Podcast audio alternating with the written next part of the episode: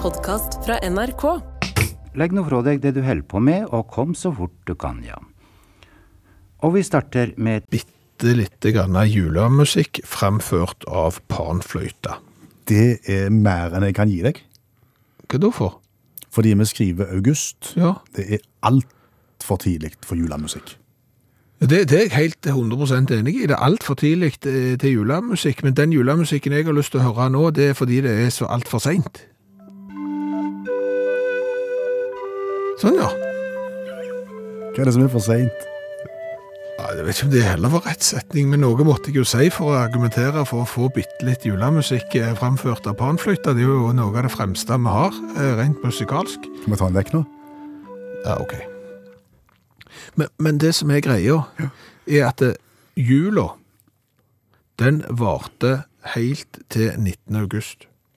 Den varer jo i utgangspunktet til påske. Nei, nei, nei, nei, jula- Ja, eh, i utgangspunktet s- så gjør han det, men i, i mitt tilfelle, eh, 19. august. Altså i helga som var. Ja, Da tok jula slutt. på en måte, og, og jeg synes det er oppsiktsvekkende. Ja. Eh, Fordi at hvis du går tilbake til eh, adventstida i fjor, Ja. Eh, og l- kanskje egentlig litt grann før adventstid òg, så var vi på hytta, eh, og det var snø, eh, og dermed så satte vi fram et litt sånn fiffig, eh, flott lite plastikk i juletre Mhm. med eh, lys på. OK. Og det er da drevet av tre sånne batterier, jeg tror det er AA. Ja, hvis det er AAA, da er de veldig tynne. Ja, da er det AA. Sånn halvtjukke. Halvtjukke. Ja. Tre sånne. Nettopp. Så, så oppi et lite en beholder med den, Mm. skrur på, så lyste juletreet. Så sto jo det og, og lyste i adventstida eh, hele veien, eh, og det er jo oppsiktsvekkende. At det varer såpass? Ja, jeg syns jo det. Ja, det er fint, det. Og så eh, blir det jo liksom nyttår, eh, og det lyser fremdeles, og så tenker jeg, du kan ikke ha juletre stående ute eh, liksom eh, lenger enn det. Nei. Så da tok jeg det inn i boden. Med lys og det hele? Jeg trodde jo jeg hadde skrudd det av, Ja. men så viser det seg når jeg kommer tilbake til hytta litt senere, at jeg har ikke skrudd av eh, lysene, for de står fremdeles på. Det er lys i boden. Ja, ja det er vel å overdrive. Ja, Flomlys er det jo ikke akkurat juletre, men, men jeg ser jo da når jeg kommer inn i boden på juletreet, liksom om jeg har skrivet i januar, at eh, jeg har glemt å skru av julelysene. Da tenkte jeg, hva hvis jeg ikke skrur de av? Så ser vi hvor lenge jula kan vare. Ja. Om hun varer lenger enn påske. Ja, ja. jeg gjorde det. Ja, det har jeg skjønt. Ja, ja. For her blir det april, og her blir det mai, og Ja, og så, og så går du inn, eh, og så liksom, det lyser ennå. ja. Og du noterer alle datoene. Hvor, altså, hvor lenge kan dette være? Har du lagd deg et Ja, Excel? det, ja det, det er på grensen til å også samle på, eh, på sånne Bilnummer, bilnummer. ja. Det er jo helt eh, løk. Men så da på, på lørdag, Ja. så, så var jeg litt eh, aktiv. Nå ble det mye igjen. M- Men da drev jeg på med litt ved.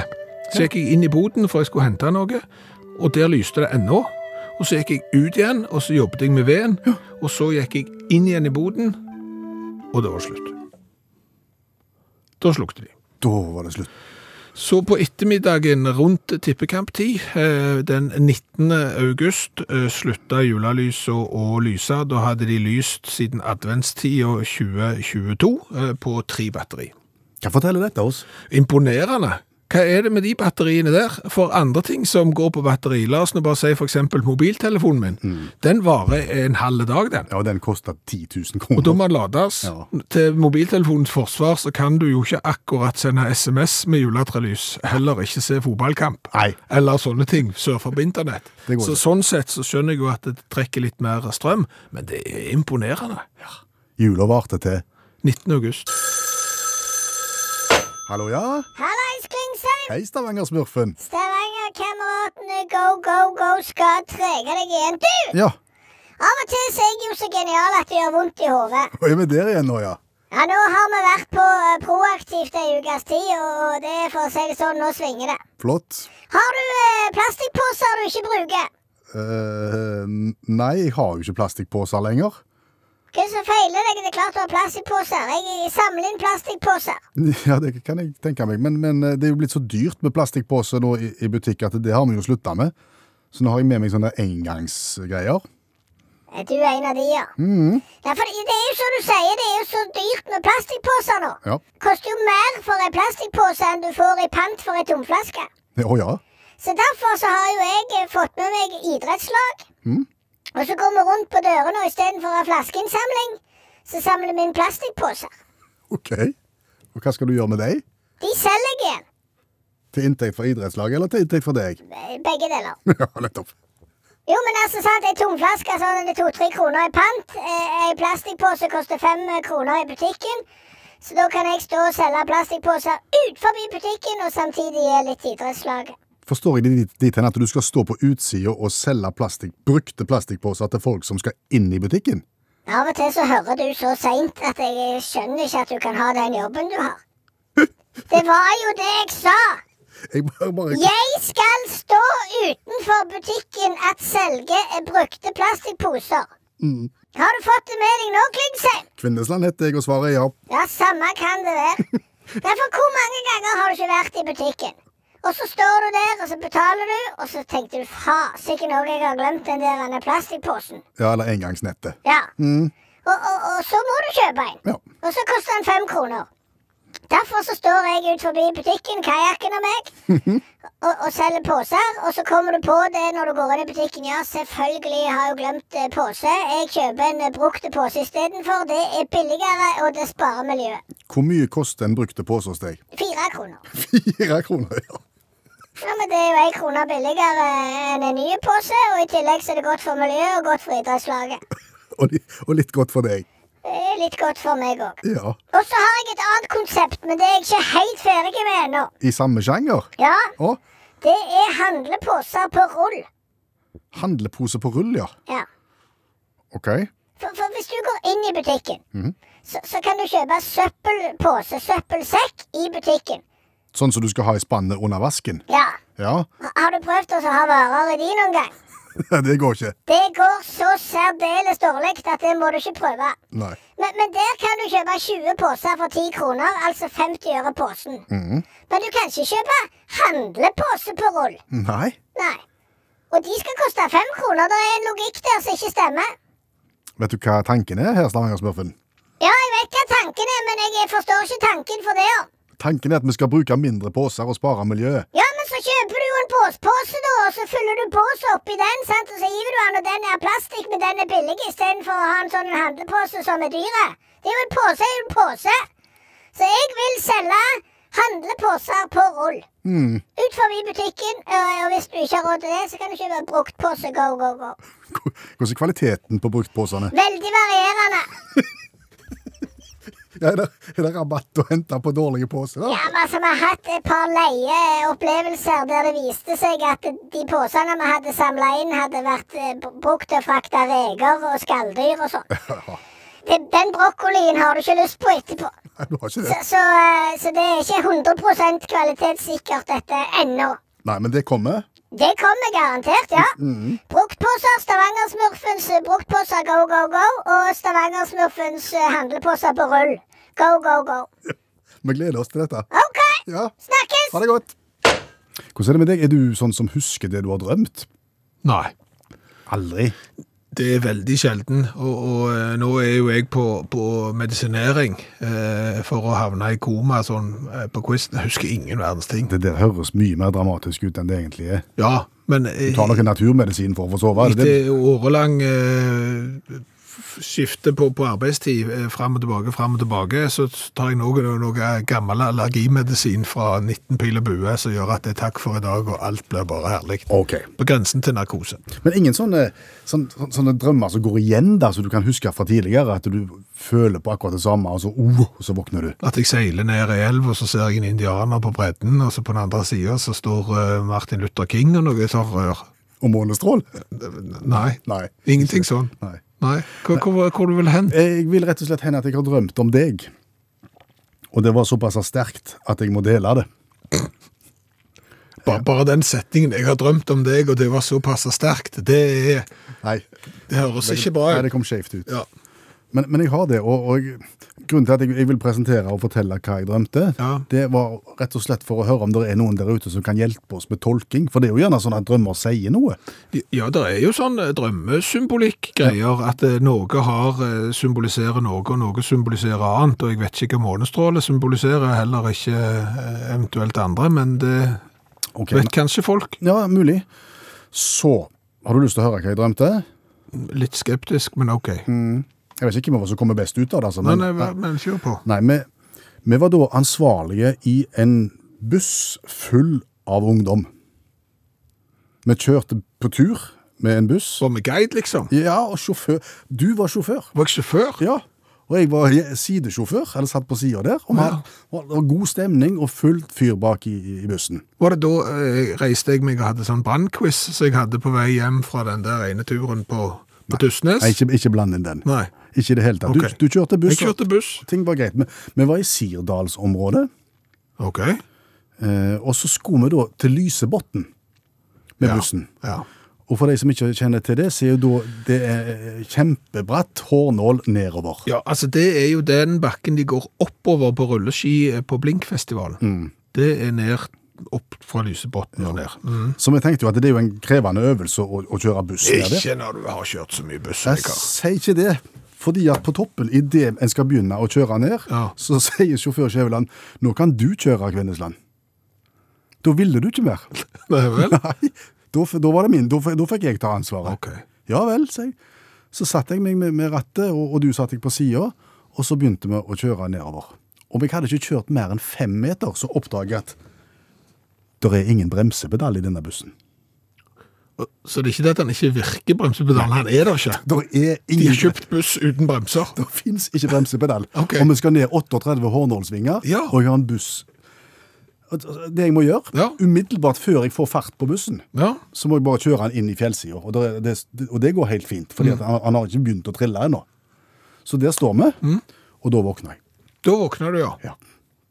Så det var ikke så, da begynte jeg med brannquiz eller nei, ingenting, nei. Ingenting, du sant? våkna, ja, av Altså, og der sto vi, og de ungene lurte Nei, det, så langt kom jeg ikke. Så jeg fikk aldri forklart hva som skjedde. Ok. Men du overlot bussen til meg når det begynte å bli vanskelig, og det var ikke bremser plutselig. Jeg klarer ikke å tolke. Nei, jeg har ikke lyst til å prøve engang, for jeg tror jeg kommer dårlig ut av det, for å si det fint. Men, men nå, hvis, k- hvor skal folk eventuelt, eh, altså hvis det er tolkning nå, det høres jo ut som vi driver med tungetall og sånn, og er i en menighet, eh, men hvis det nå er tolkning, Altså, der er jo ei, ei, uta- ei eh, side på Facebook Ja. som folk har lagd, som heter Utakt for av-fans. Ja. og Der er det mye spennende som foregår, og jeg tenkte kanskje vi skulle åpne for tolking der. der kan du gjøre det, og så kan du el- eventuelt sende en sms til 1987 og starte den meldingen med utakt, hvis du vil sitte og, og knote med, med sms. Ikke sikker, jeg kommer godt ut av det igjen, altså. Det vil vise seg. Ja. Som vi hørte av eh, Stavanger-smurfen, så planlegger han eh, da å selge bruktposer etter å ha hatt poseinnsamling. Fordi at en vanlig plastikkpose i butikk nå, handlepose, fem kroner. Som blant annet har som formål å, å få ned plastikkposeforbruket vårt eh, i Norge. Men eh, allmennlærer med to vekttall i musikk, Olav Hove, eh, finnes det andre måter å, å få ned poseforbruket på enn å så bare skru opp prisen, tro?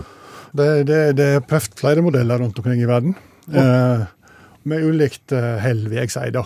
Eh, men men eh, sånn som i Thailand, da bare forbydde de alt. da. Plastikkposer og alt med plastikk forbydde de. Og Da kunne du ta det med dårlig humør, men de tok det med godt humør. Så det ble en sånn slags nasjonal konkurranse der du hadde mest kreativ måte å, å ta med deg dagligvarene dine på. Og Jeg så på den finalen, da, de 20 beste. Det var mm, en del lampeskjermer. Det var wok.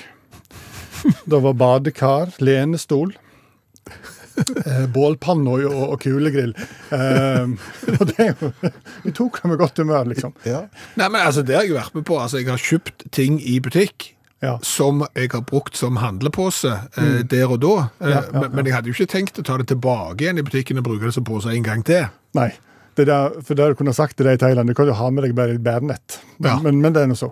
Det er noe så. så har du da Nord-Amerika, der har det vært mye sånne restriksjoner. De har ikke tatt det med så godt humør, føler jeg da. Sånn som i, i Florida, blant annet, der har det vært sånn at hvis du har med deg handlenett, så får du 25 cent. Sant? Hvis du har med deg et håndledd, så får du rabatt på 25 cent. Altså et sånt, et sånt et, eh, sånn Ja. som du kan bruke mange ganger nett. Ja, Har du med deg to, så får du 50, og så videre. Sant? Så hvis du tar lørdagshandelen, så får du en hel dollar i rabatt. Oi, ti kroner. Mm, så er det selvfølgelig noen som utnytter det, sant? Og, da- og rekorden er Pablo Esvan, cubaner, som var inne på en, eh, en, eh, en Target-butikk i Kissimmee i, eh, i Florida og kjøpte seg en økonomipakke med nudler, og hadde med seg Raoul og, og 640 poser. Gikk derifra med Over 150 dollar. ja. det er Rundt 1600 kroner og en økonomipakke med nudler. Da. Så er det jo så er det, jo- er det jo sånn at det, eh, en, eh, i Canada, da der har jeg liksom dratt enda mer til. Og i Canada de bør jo dra til, for det er jo en, eneste land i verden som selger firelitersposer med melk fortsatt. da. Så der har en del, Rundt Vancouver-området så har en del kjøpmenn liksom kommet eh, for, ko- eh, de, de, sel- de selger kun dårlige plastikkposer. F.eks. er plast i en pakke egg, og det er det. Eller så ryker den, da. Det har jo medført ekstremt stort eh, forbruk av plastikk, så det har ikke funka. Det er jo smart å selge dårlige plastikkposer og egg. For, for, da må du inn igjen og så, Nei, jeg må inn igjen og kjøpe mer egg. Ja. ja, det er det. det, er det. Og så- og- men så- men det, var ulike, det har ikke funka så godt, da. Og så har du da eh, eh, East West Market i Vancouver. De har en, de har en leder, en sjef, som heter David Quinn. Han er da spesialist på plåser, ifølge han sjøl, og plastikkreduksjon, da. Han har sagt da at det er altfor mye sånn tull med eh, lange poser, dårlige poser, alt slags Det de må gjøre, de må spille på skam. Så det er det han har gjort, da. Ehm, så han, han tok vekk logoen på sine poser, og så bytta han det ut med fake logoer. da. Så hvis du da glemmer den handlenettet ditt, da, så kunne du f.eks. få en, en, en pose der det stod eh, 'Senteret for vi som elsker sære, harde pornofilmer', f.eks. Det er det ene. Med Påser du ikke vil gå med, altså. Ja, ja. Ja. Storcash vortesalve var en av de hadde. Det er da ting han ser på som skamfullt. da. Og så er resten er rumpe, da. Eh, rektumspesialisten. og min personlige favoritt, endetarmsvelværekooperativ.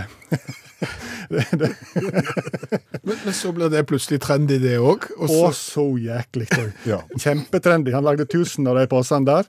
Gikk jo ikke det, vet du. Så, nei, det rant jo inn med folk. Han har 230 i omsetningsøke, og har nå solgt 40 000 poser, og får ikke lov lenger da. Nei, Så det virker ikke så godt. Sett opp prisen.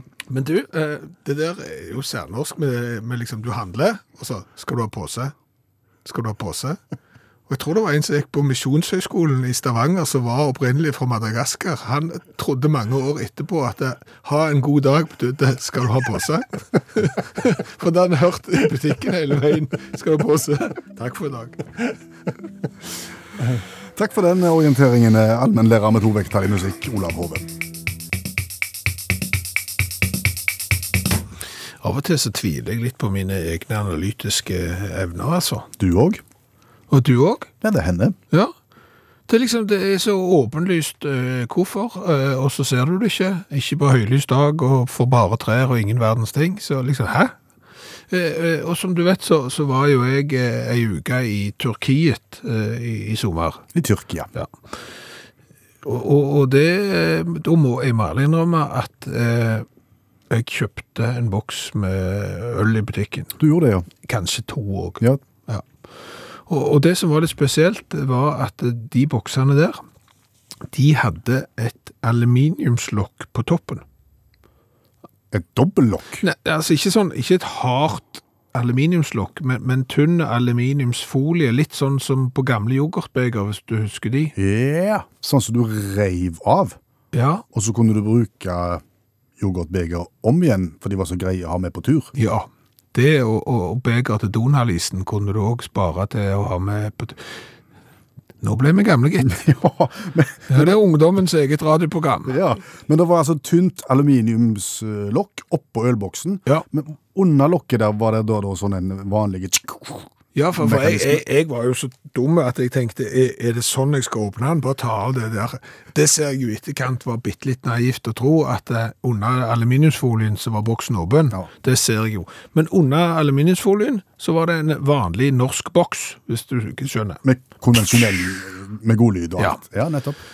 Og så eh, brukte jeg en dag og tre eh, på å grunne på dette i mitt hjerte. Eh, hvorfor eh, har de det? eh, og jeg kom ikke på noen gode forklaringer. Før noen forklarte deg. Før jeg eh, spurte noen, eh, som eh, da kom på svaret med en gang. Og svaret var? Altså, Dette er jo ikke faktabasert, for det er, men, men det er jo innlysende at det er rett, føler jeg. Eh, Det er jo fordi at det sikkert svært mange drikker rett fra boksen. Og da skal jo ikke hele den der boksoverflaten være eksponert Nei. for folk som driver og kladder og tar på han i kjøleskap og tar på boksen og tar på Setter han på plass og tar på han. og Vet du hva jeg tenker på nå? Det samme som jeg tenkte på da, sikkert. Drikker ofte rett fra boksen, Mm. Jeg òg. uten lokk. Ja. Både det og brus og all slags. Helt, helt ukritisk. 100 Ja. rett, rett på. Og tenk på alt den kan ha vært borti. Det har jeg ikke lyst til å tenke Nå på. fikk jeg lyst på sånn eh, aluminiumsfolie. Ja. Men det blir mye eh, sånne eh, bås. Avfall. Nei, jeg hadde bare to. Vær så snill, spill litt filmmusikk.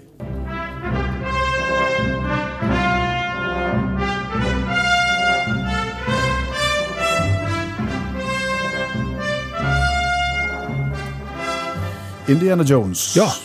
Eh, og, og det jeg lurer på er om eh, en tiårs tid, kanskje, at eh, vi kommer til å se et vell av eh, nyutdanna arkeologer. Eh, Som en konsekvens av at eh, Indiana Jones igjen er på kino.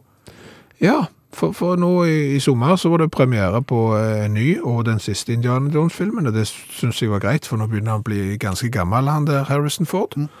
Eh, men, men når den første filmen kom, om Indiana Jones, da er vi tilbake på starten av 80-tallet, så kunne de se at eh, det var en økning i interessen for å studere arkeologi. Altså statistisk sett så kunne du sjekke før og etter Indiana Jones. Å ja? Og, og noen av de beste arkeologene i verden har eh, sagt at Indiana Jones var det som vekte deres første interesse for eh, arkeologien. Dette er Fred Hibert som har sagt. Anerkjente arkeologisk stipendiat der, altså. Han hører vi på. Han hører vi på. Eh, og, og da er det jo Da har jo på en måte Indiana Jones lagt litt brakk. Og, og nå er det gjerne kommet en ny generasjon eh, til som ser filmen for første gang, og da er det kanskje ikke så, så rart å stille seg spørsmål om det kommer til å komme eh, nye arkeologer. Men jeg vet ikke hvor lang utdannelse det er. Det er, ikke, det er jo Det er eh, ikke fort gjort. det er ikke fortgjort, nei. Nei. Jeg tror, tror du må til England og, og grave litt opp i sånne gamle vikinghauger og sånn før du får lov til å kalle deg arkeolog.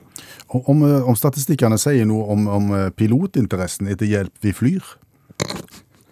Det smalt ikke det? Det, det har jeg ikke Det har jeg ikke kjekt. Men det er klart at hvis du skal gå gjennom alle filmrekkene sånn, og spesielt alle de der Hjelp. hjelpfilmene fra 80-tallet 'Hjelp, vi er i rockebransjen', Ja. 'Hjelp, jeg skal på ferie' Om det har liksom gjort at det ble flere vingverter etterpå? Det tror jeg ikke.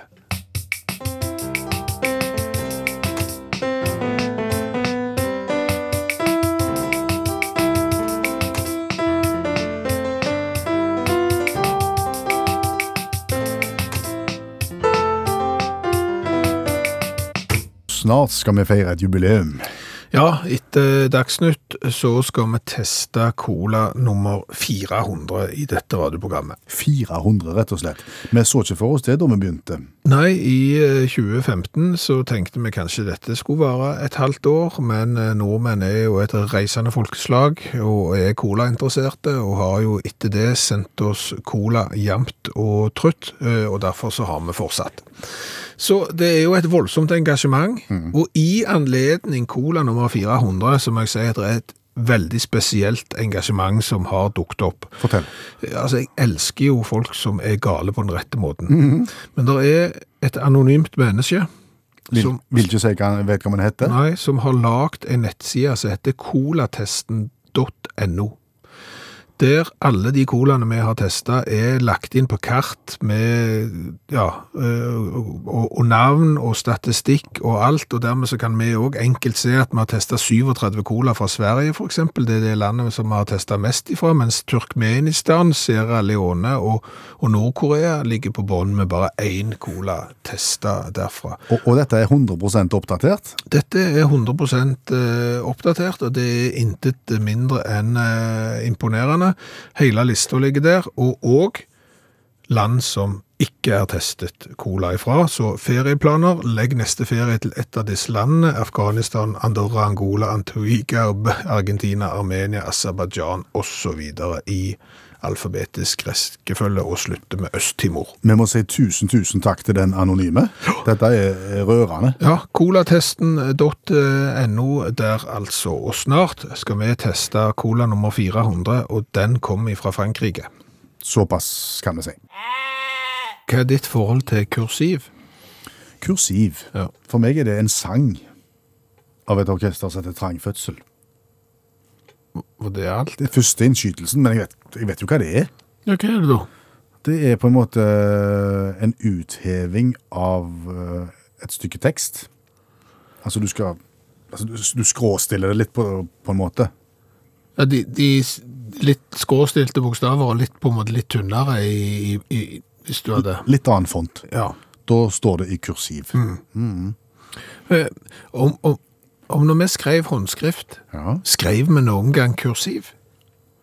Kan ikke huske det. Nei, ikke heller. Hadde mer enn nok med å skrive fint uten at det skulle være kursiv.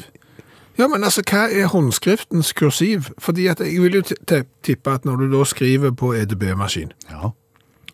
og, og så oppstår behovet for kursiv, så, så har de lagt kursiv, fordi at det samme behovet har jo oppstått for lenge, lenge, lenge siden, når noen skrev for hånd og hadde behov for å eh, skrive i kursiv. Og hvordan var kursiv håndskriftkursiv? Litt skråstilt og med en litt annen font. Nei, jeg vet ikke. Nei, men, nei.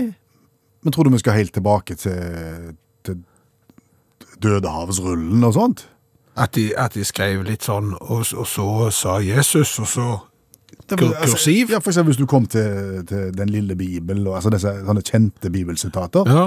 For så høyt har Gud elsket verden, osv. at han satte de i kursiv. Nei, at da tenker de dette, dette er såpass Dette er essensielt. Ja, Dette må vi ta ja i kursiv. det kan godt hende. Men jeg vet ikke om de skrev skrått. Nei, altså, jeg vet ikke hvordan håndskriften eh, kursiv eh, jeg, jeg føler heller at jeg har aldri prøvd. Og jeg følte jo liksom at når vi skrev eh, skulle prøve å liksom, skrive formskrift Nå er vi igjen sykt gamle i dette radioprogrammet. Formskrift, ja. Så, så, så var jo den litt skrå allerede. Ja, sant. Men, men jeg bruker jo kursiv når jeg skriver på EDB-maskin. Jeg er litt usikker på hvorfor jeg gjør det. Jeg føler av og til at jeg har behov for å si noe bitte litt annet. Og da går jeg over i kursiv, men, men om det skulle vært noe annet Er det litt som semikolon? Bru- Bruker det, men vet ikke helt hvorfor. Semikolon bruker jeg, ja, men det er, jeg litt, det, det er sånn at når jeg vil legge inn et komma med en litt lengre pause, da bruker jeg semikolon. Det er helt sikkert feil, vet du. Ja. Ja. Men, men, men så tenker jeg igjen når jeg skriver kursiv, så bruker jeg gjerne det fordi at jeg skal si eh, noe annerledes. Men hva hvis jeg da innenfor den kursivteksten, der jeg har behov for å si noe annerledes, vil si noe annerledes inni den igjen? Altså, hva er da eh, kursiven inni kursiv? Dette, dette er djupt. Kanskje du er tilbake igjen på det, det som du var før du begynte på kursiv, da? Altså, så en kursiv eh, til opphever kursiven, og du er tilbake til normalen. Nuller du ut kursiven? Litt sånn minus, minus, bla, pluss. Du er tilbake igjen til helt vanlig skrift. Har, har du søkt på internett Nei, rundt dette? eh, nei, fordi at hvis du gjør det, sant, eh, så ødelegger du fort et veldig eh, Skal ikke si godt resonnement, Nei. men du, du ødelegger et resonnement, for det- da finner du plutselig ut fasiten. Og så eh, forsvant jo hele radiostikket. Men nå kan jo jeg hjelpe til med det, for nå går jo stikket mot slutten. Så nå kan vi komme med det. Men Hva er det du skal ha- ha funnet ut, da? Strengt tatt er kursiv ikke bare skråstilt skrift, Nei. men en egen skriftform som bygger på kansellihåndskrifter i Italia fra ca. år 1500. Kansellihåndskrift, ja. Ja. Mm, nå ble alt veldig mye tydeligere, kjente jeg med en gang. Men hva tid bruker du kursiv, da? Nei, det sto det ikke noe om i det dokumentet. Nei, så, så da fortsetter vi sånn som vi liksom allerede gjør. Vi, vi bruker det litt sånn dann og vann når vi føler vi skal si noe annerledes. Litt som semikolon. Ok. Det er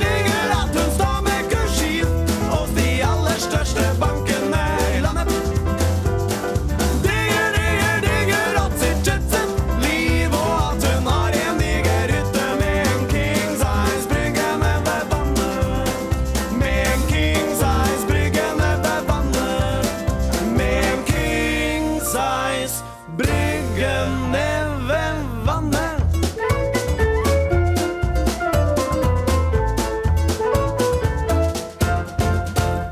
Trangfødsel, kursiv. Er det tid for fanfare? Det er tid for fanfare. I anledning uttakts colatest nummer 400. Ja, vi skal tilbake til januar eh, 2015, eh, når vi kom på at det kunne ikke vært kjekt også å teste colaer fra ulike land. Eh, ikke bare den klassiske Coca-Colaen fra ulike land, men, men liksom landets eget eh, colamerke. Så tenkte vi hvis vi klarer å holde på et halvt års tid med det, så hadde jo det vært gøy. Ja. Nå begynner vi å nærme oss ti år. ja, det gjør vi, og i dag skal vi smake på nummer cola, eh, nummer cola, cola nummer 400. På toppen av lista. Ja. så, så ligger jo Gene Simmons, eh, bassisten i Kiss, sitt eget colamerke Moneybag. Men bare poenget bak ligger den klassiske Coca-Colaen. Eh, Den som vi har smakt på, som ligger helt der oppe, det er den som har vært 1100 meter under havets overflate. ja, i Sognefjorden. Ja. Dypt i Så Sognefjorden. den har vi testa òg. Og på bånn eh, ligger jo av prinsipp eh, colaer som inneholder kirsebær.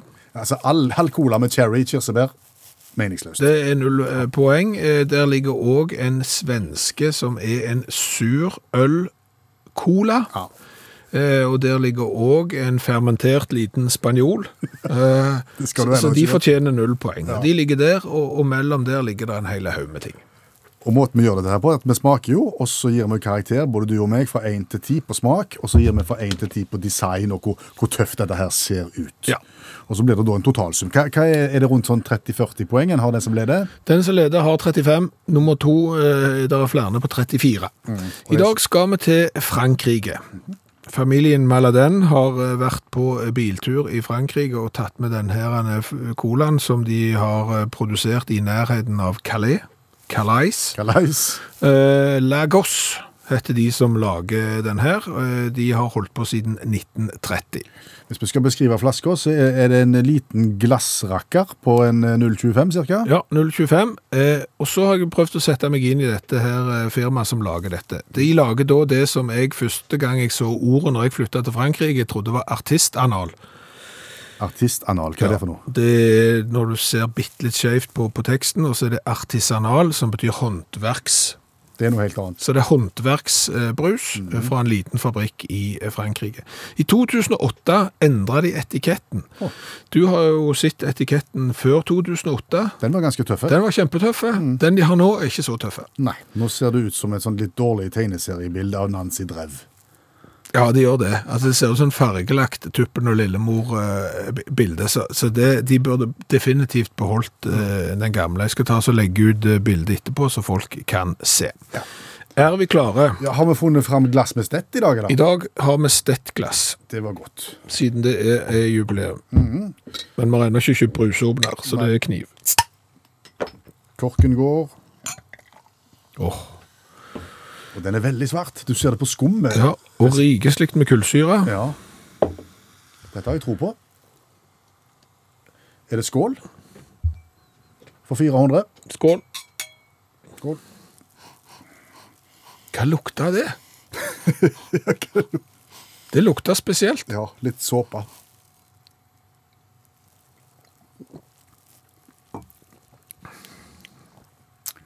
Det var ikke spesielt god heller. Nei, du. Det var synd når vi kom til 400, og så har du noe Men som hva var, smaker. hva var det? Ja, Kjenn etter smaken. Ja, Masse såpe. Det er litt hostesaft kombinert med såpe. Kan si mye rart om franskmenn. Dette var ikke bra. Nei, altså, men vi må jo ikke være historieløse når vi kom til, til 400, for det er klart at dette er verken gjære, Nei. eller det er ikke øl i det Eller, heller. og ikke kirsebær heller. Nei. Neida. Så- så- men, men jeg kan ikke gi dem mer enn tre i smak. Du gir tre, Mhm. jeg, jeg fire. Gjør du det? Ja, jeg har vært au pair i Frankrike. Jeg føler meg... eh, Litt forplikta. forplikta. Eh, og så har jo vi vært motstander av flaskestørrelsen 0,25 eh, så lenge vi har levd. Altså, det er for lite. Ja, det er det. Akkurat i denne sammenhengen er det for mye, men, men bortsett fra det, prinsipielt 0,25, da trekker du litt på det. Eh, Og så bytta de etikett i 2008 til noe som er mye dummere enn det som de hadde før. Ja, så her er det mye å trekke på designet. Altså, det er eh, fire i design. Fire av ti mulige. Åtte pluss sju. Det skulle bli 15 poeng, det. Ja, det er ikke all verden. Nei. Så skal du til Calais, så er det ikke vits i å kjøpe Lagos Cola. Men gratulerer med jubileet, da. Jo, i like måte så får vi håpe at 401 blir bedre enn 400.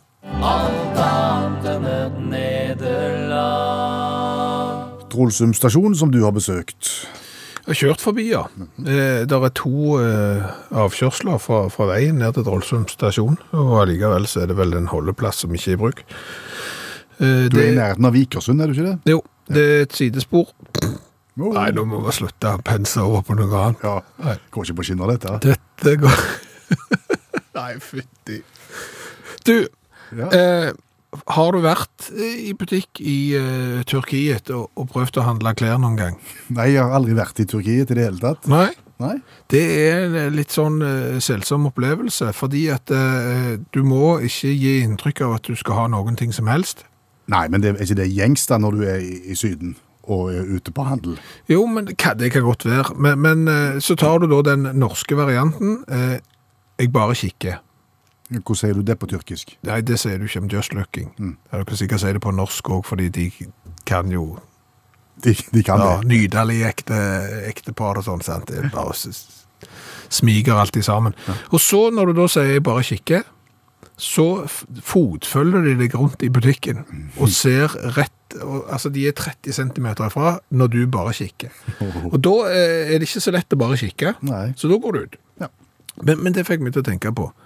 Den der setningen, jeg vet ikke hva det er, spesielt særnorsk eller hva, hva det er, men det er iallfall den jeg bruker når jeg ikke vet helt hva jeg skal ha, og om jeg i det hele tatt skal ha noe, så sier jeg bare kikke. Hva for noen butikker er det liksom lettest og, og vanskeligst å si «Nei, jeg bare kikker? Det letteste i litt sånne store klesforretninger, føler jeg. Hvor, Ja. hvor det er mye folk og mange ansatte og, og mye som skjer. Det ikke blir et sånn et personlig forhold til selgeren. Ja, så litt det der sånn at hvis du blir for nær med den som selger, sant? og så går du og, og, og kikker, så er det bare dere to der inne på fire kvadrat. Ja. Mm. Det, det er tungt. Det er tungt. Ja. Og så tenker jeg det har litt grann med type butikk òg. Ja. Eh, for, for nå har jeg, jeg praktiserer jo ikke det, men, jeg, men dette kan jeg bare forestille meg. Altså, jeg har, jeg har vært i dameundertøysbutikk én gang, og da kjøpte jeg noe til meg sjøl. Det har jeg ikke lyst til å høre mer om. Jo, men det kom litt skjevt ut, men det var jo når du og meg hadde revy og, og trengte en rekvisitt. Stemmer. Og da sa jeg eh, at jeg bare kikker. Du sa det, ja. Ja, og, og, og det, det kommer heller ikke så godt ut hvis du går i, som mann i en dameundertøysbutikk og sier at du bare kikker. Nei. Dagligvarerbutikk, for eksempel. Det ble bare dumt. Ja, men jeg har aldri sagt det. Jeg har aldri liksom gått inn på Kiwi Rema 1000 eller et eller annet. Nei, bare, bare kikke. Hva da på? Det er jo litt spesielt, det òg. Du har ikke vært på, så- på, på sånn type kondomeri eller, Nei. eller sex? Nei. Nei. Den, den, den er oleie. Kan, kan jeg hjelpe deg, Skjæveland? At det er litt som det er undertøysbutikken når jeg bare kikker. Ja. Apotek òg, tror jeg. er Liksom sånn nei, jeg bare kikker. Etter, Hva, hva da? Altså, altså, venter du Skal forberede deg til du får eksem, eller et eller annet sånn? Bensinstasjon òg. bare kikk.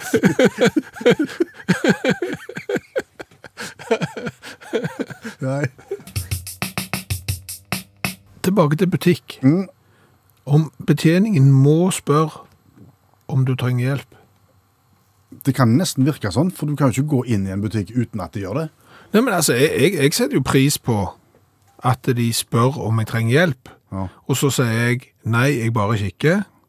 Og, og da forventer jeg at jeg får være i fred. Ja. Da, da skal neste kontaktpunkt i butikken være initiert av meg. Jeg er helt enig. Altså, I utgangspunktet så kunne jeg tenkt meg en butikk hvor de ikke spurte i det hele tatt. Nei. Jo, for det, da, da, da spør jeg hvis jeg trenger hjelp. Jo, men da ser det jo ut som at du kommer inn i en butikk, eh, ingen legger merke til at du er der, kunder er noe De drit. kan si hei, men de trenger ikke si 'trenger du hjelp'? Det, det ordner jeg sjøl. Men OK, det er greit. Ja, ok, de må i hvert fall si noe som gir, eh, indikerer at de har sett at det er en der som har med seg eh, lommebok og kan være villig til å bruke penger. Mm. For Altså- ellers så blir det jo en- ki- kjipt. Greit. Men så, så, så, så spør de 'kan jeg hjelpe deg med noe'? Ja. Nei, jeg bare kikker. Ja. Det som da vanligvis skjer, Ja. det er at de kommer etter en liten stund, og så Finner du størrelsen din? Da kommer det et sånn et lurent oppfølgerspørsmål. Ah. Og da, kjenner jeg, da begynner jeg å bli uggen, for jeg har sagt at jeg bare kikker. Jeg, Ja. jeg trenger ikke hjelp. Ja. Og hvis du da sier 'hei, mister' igjen, da har du da har jeg klikker, gått. Mm. da klikker du. Ja, da be- Begynner de med 'hei, mister', da, da snur jeg i døra. Ja. Det, det er helt sånt. Men, men de har jo litt sånn ulike fiffige måter også å tilnærme seg på. Har de ikke det? Liksom, ser du til noe spesielt? Finner du størrelsen? Nei, din? bare kikke. Mm. Det, skal, det, skal ikke, det skal ikke kontakte eh, en som har sagt de bare kikker, før du da eventuelt tar, tar eh, kontakt eh, sjøl. Nei, og, og hvor tidlig skal de spørre? Skal de spørre idet du kommer inn i butikken? Ja, det syns jeg nesten. Det er litt som hei. altså sånn, Hvis noen kommer igjen til meg, hei og hallo, så kjekt du kom, og sånn litt den der der. Hvis, skal jeg hjelpe, Er det noe du ser etter, skal jeg hjelpe deg? Nei, bare kikke. OK. Ja. Ingenting mer. Nei. Aldri noen ting mer. Og ingenting er verre enn eh, nedlatende unge damer i butikk og eh, gamle mannfolk som er på jakt etter noe. Nei. Når de endelig spør om hjelp. Nettopp. Kan du, kan du dele litt av, av opplevelsene dine der? Det begynner jo å bli noen år siden, eh, men jeg hadde vel passert 40 år. eh, Og, og det var en sommer, og jeg gikk inn i en klesbutikk. Eh, Hun spurte om eh, jeg trengte hjelp, og så sa jeg jeg bare kikker.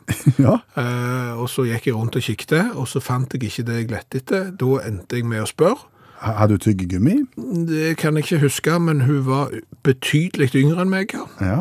Hva var det du var på jakt etter da, Skjæveland? Da måtte jeg spørre betjeningen, den unge damen, eh, har dere oransje dongeribukse?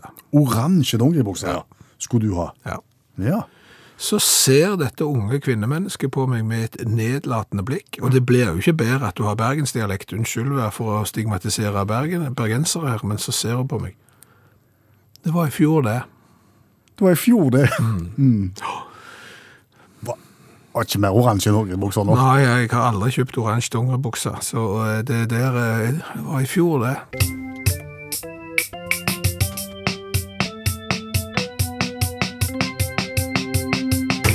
I første time av Utakt i kveld så hørte vi om kjøpmannen i Vancouver i eh, Canada som eh, spilte på skam for å få folk til å slutte å bruke plastikkposer, og så dermed lagde logoer som var veldig stigmatiserende. Med det resultat at dette var plastikkposer alle ville ha, og du solgte enda flere plastikkposer. Ja. Så, så effekten ble helt stikk motsatt av det han hadde tenkt. Og det allmennlærer med to vekttall i musikk, Olav Hove, det fenomenet der, det har et navn. Det har det.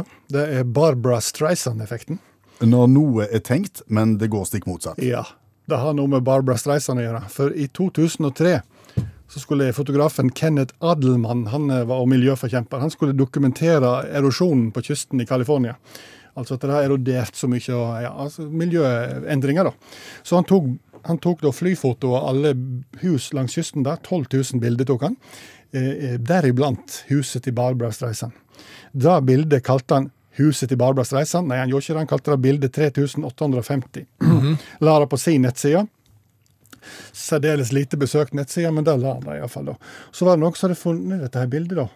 Og så eh, varsla de Barbara Streisand.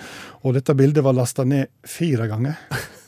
Og tre av dem var advokatene til Barbara Streisand. da. Ja. Så da tenker du da, hva gjør vi da? Da saksøker vi han fyren, for dette var jo ikke bra. Det her, her følte hun seg krenka og sånne ting, så da tok hun saksøkte han for 50 millioner dollar, som seg hør og bør. Ja, for det er jo lommepenger for hun, og sikkert lommepenger for han òg. Ja. Det, er det.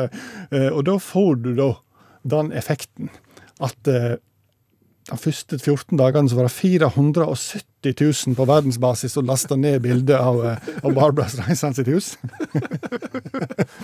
De neste to årene så var det gjennomsnitt 300 000 per måned som gjorde akkurat det samme.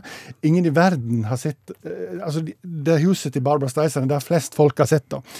Endte altså opp med at, ja, at flere millioner har lasta ned huset. Eh, hun måtte betale 1,7 millioner i saksomkostning. Og hun tapte, ja. Klart hun tapte, ja. Tapte så det sang. Eh, og dermed så er det blitt kalt eh, Barbra Streisand-effekten. da. Og der finnes det mange eksempel på, da. Men, eh, men eh, det kjekkeste eksempelet er vel kanskje i 2004.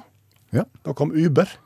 Taxikonkurrenten Uber. Taxikonkurrenten Uber det er jo en app du må laste ned. sant? Den kom til London. Eh, han kom til Madrid, Milano, Paris osv. Og, så videre, og dette kunne en jo ikke godta. sant? Eh, og Dermed så eh, samla taxisjåførene seg og så bestemte de seg for at dette her må vi protestere mot. Og hvordan protesterer du på best måte, mulig måte? vi samler oss, og så kjører ikke vi taxi. Så kan folk kjenne kjenne på hvordan det er. sant? Så da bare vi legger ned arbeidet noen timer, så skal de merke det. Men Vi var det noen vi som- aner vel litt av hvor dette bærer nå? Ja, var, var det noen som tilfeldigvis tok kontakt med Uber? Eneste måten var å ringe Uber. Ja. En økning i nedlastinga på 850 de timene det pågikk. Og det verste av alt er at det tok de én dag først i London, og så tok, trekte de erfaringer i Madrid, i Milano og Paris, gjorde akkurat det samme dagen etter med samme effekt. Herlig. Barbara Streisand-effekten. Yes. Vi må vel spille noe Barbra Streisand, nå må vi ikke det? Ja, jeg tenkte guilty. Skyldig, ja. Det må jo være midt i blinken. Guilty er bra. Takk, allmennlærer med to vekttall i musikk, Olav Hove. Er vi klar for litt drømmetyding nå? Ja, altså, du har jo eh, drømt eh, om meg og deg. Ja, jeg presenterte drømmen tidligere i programmet. Jeg skal ta den i kort form. Du og meg eh, var bussjåfører. Vi hadde en buss full av skoleungdom. Ja. Du kjørte bussen. Eh, vi, sko vi var på besøk i Sirdal. Eh, så skulle vi kjøre ned til Lysebotn. Det er veldig veldig bratt nedover med masse hårnålsenger. På toppen av bakken så sa du nei, nå vil ikke jeg kjøre mer, nå får du kjøre. sa du til meg. Så satte jeg meg ved rattet, og idet jeg begynner å skal kjøre ned bakken, så ser jeg her er det ingen bremsepedal. Nei. Den finnes ikke. Nei. Så jeg kjører bussen rett. Jeg, jeg klarer å stoppe den før den får begynne å- å rulle, så det ender helt godt og alt sånn. Men så våkner jeg. Så lurte vi jo på hva kan dette tyde på. Nei, da? altså, vi lurte ikke på det. Du, du lurte på dette. Eh, eh, Hanne eh, mener at dersom du er veldig redd og engstelig når du våkner for drømmen din, så kan dette være et tegn på usikkerhet og mye stress. Var, var du urolig? Kan jeg ikke huske. Nei, egentlig. nei så for derfor, hvis du var relativt rolig og følte deg trygg når du våkna, så, så var nok dette et eh, tegn på at du føler at du har kontroll i livet. Ok.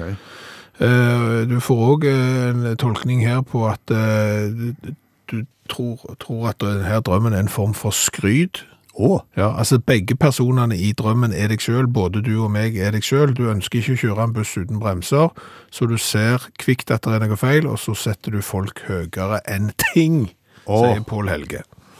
Ellen da, hun sier at hun lurer på om drømmen kan sp f- spørre om eh, min kollega, altså deg, Mm. prøver å få meg til å tøye grensene mine, eh, selv om han vet at det vil gå galt. At, at det var det som var greia her. Det er veldig- Du er ikke så veldig på å tøye grenser. Nei, det er ikke det. Du, så vidt du bøyer de. leger uten genser. eh, Ja, nei. Au. Eh, S- Åse, slutt å brems. Livet er her og nå, lev til fulle. Det var hennes tolking. Ja. Ok. Og så kjørte du i fjellveggen. Nei, ikke bra det, vet Nei, du. det er ikke en god tolkning eh, det heller. Da liker jeg best den siste. Ja, altså Jonny sin tolking, den, den, er- den går vi for, tror jeg. Når han har hørt hva jeg har drømt, ut fra drømmen din, så tror jeg at Liverpool vinner Premier League denne sesongen. көз көз күш кеш көш кір кер көр күл кел көл кілең қысқа сөз кім оқиды тез арқада алты арқар бар қырқада қырық арқар бар қырық арқарда ақ арқар бар алты арқарда марқа арқар бар әбдіреде әбігер әтеш отыр әбігер әтеш отырған әбдірені әжем ашып отыр гүлім Hva har vi lært i kveld? Vi har jo lært eh, det at eh, vi må berømme eh, batteridrevne julelys. Som lyser fra tidlig advent til 19. august påfølgende år. Ja. Eh, Jeg har glemt å skru de av, eh, og så når jeg kom på at jeg hadde glemt å skru de av, så skrudde jeg de ikke av, for da hadde jeg lyst til å se hvor lenge de eh, lyste. Og på lørdag, nå som var, så slukte de. Så da var jula over. Eh, Så har vi lært det at det er ikke sikkert du bør drømme så mye mer. Nei, fordi det der er tolkninger her som du ikke kommer spesielt eh, godt ut av. Eh, så har vi jo lært eh, det at eh, hvis du forsøker å Hvorfor snakker jeg 'forsøke' så pent? Hvis du prøver eh, å få folk til å slutte med plastikkposer, så er det ulike inngangsmetoder på det. F.eks. i Norge, eh, pris det høyt. Ja. I eh, USA eh, gi folk eh, 25 cent eh, hvis de har med seg eh, handlenett, eh, ikke plastikkpose. Eventuelt så kan du forsøke også å trykke litt sånne stygge slagord på plastikkposene med, eh, i tro på at eh, folk da ikke vil gå med de. Og de eh, metodene de funker heller ikke, for plutselig har du en som kommer med så mange plastikkposer at han får utbetalt 1600 kroner for å kjøpe nudler, eh, og i det andre øyeblikket så blir disse eh, obskure plastikkposene, de blir så populære at istedenfor å selge 1000, så selger du flere tusen. Er det det som kalles for Barbara Streisand-effekten? når noe er planlagt én retning, så tar det den stikk motsatte retningen. Ja, det er Barbastreisen-effekten. Det har vi òg lært. Så har vi lært at eh, tyrkerne de har eh, da eh, aluminiumsfolie på toppen av ølboksen, og etter det vi har grunn til å tro, for å hindre smitte når du da skal drikke rett fra boksen. Og så har vi lært det at eh, når den første Indiana Jones-filmen eh, kom, så eh, begynte folk plutselig å interessere seg for arkeologi, og du kunne se et eh, løft i antall søkere som var interessert i å bli eh, arkeologer. Ja. Så har vi jo snakket om kursiv. Har vi lært noe om kursiv? Ja, Vi har lært litt om eh, kursiv. Vi har bl.a. lært det at det ble skrevet håndskrift kursiv, eh, men det er lenge siden. Det var gjerne våre besteforeldre og oldeforeldre som lærte å skrive kursiv. Eh, Og så hadde det noe italiensk med seg som vi ikke helt forsto. Og så har vi smakt på cola nummer 400 i dag. Ja, det var en skuffelse. Eh, Fransk cola, Lagos, eh, og det har vi òg lært. Eh, Franskmenn bør ikke bytte logo. Det gjorde de i 2008. Da hadde de en tøff logo. Så bytta de til en ny, og den var ikke så tøff. Men vi må anbefale den nye nettsida som er lagd med bakgrunn i alle colatestene våre. Colatesten.no.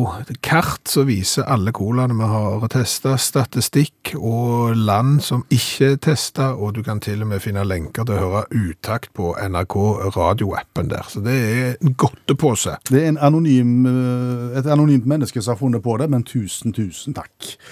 Og tusen, tusen takk til deg som hørte på oss i kveld. Per Øystein Kvindesland heter jeg. Bjørn Lars Kjøvland heter jeg. Og så må du huske det at alle Utakt fins som podkast. Trallarallarallar. Jaha, og der stanser vi og puster på. Ja, takk for nå. Du har hørt en podkast fra NRK. Hør alle episodene kun i appen NRK Radio.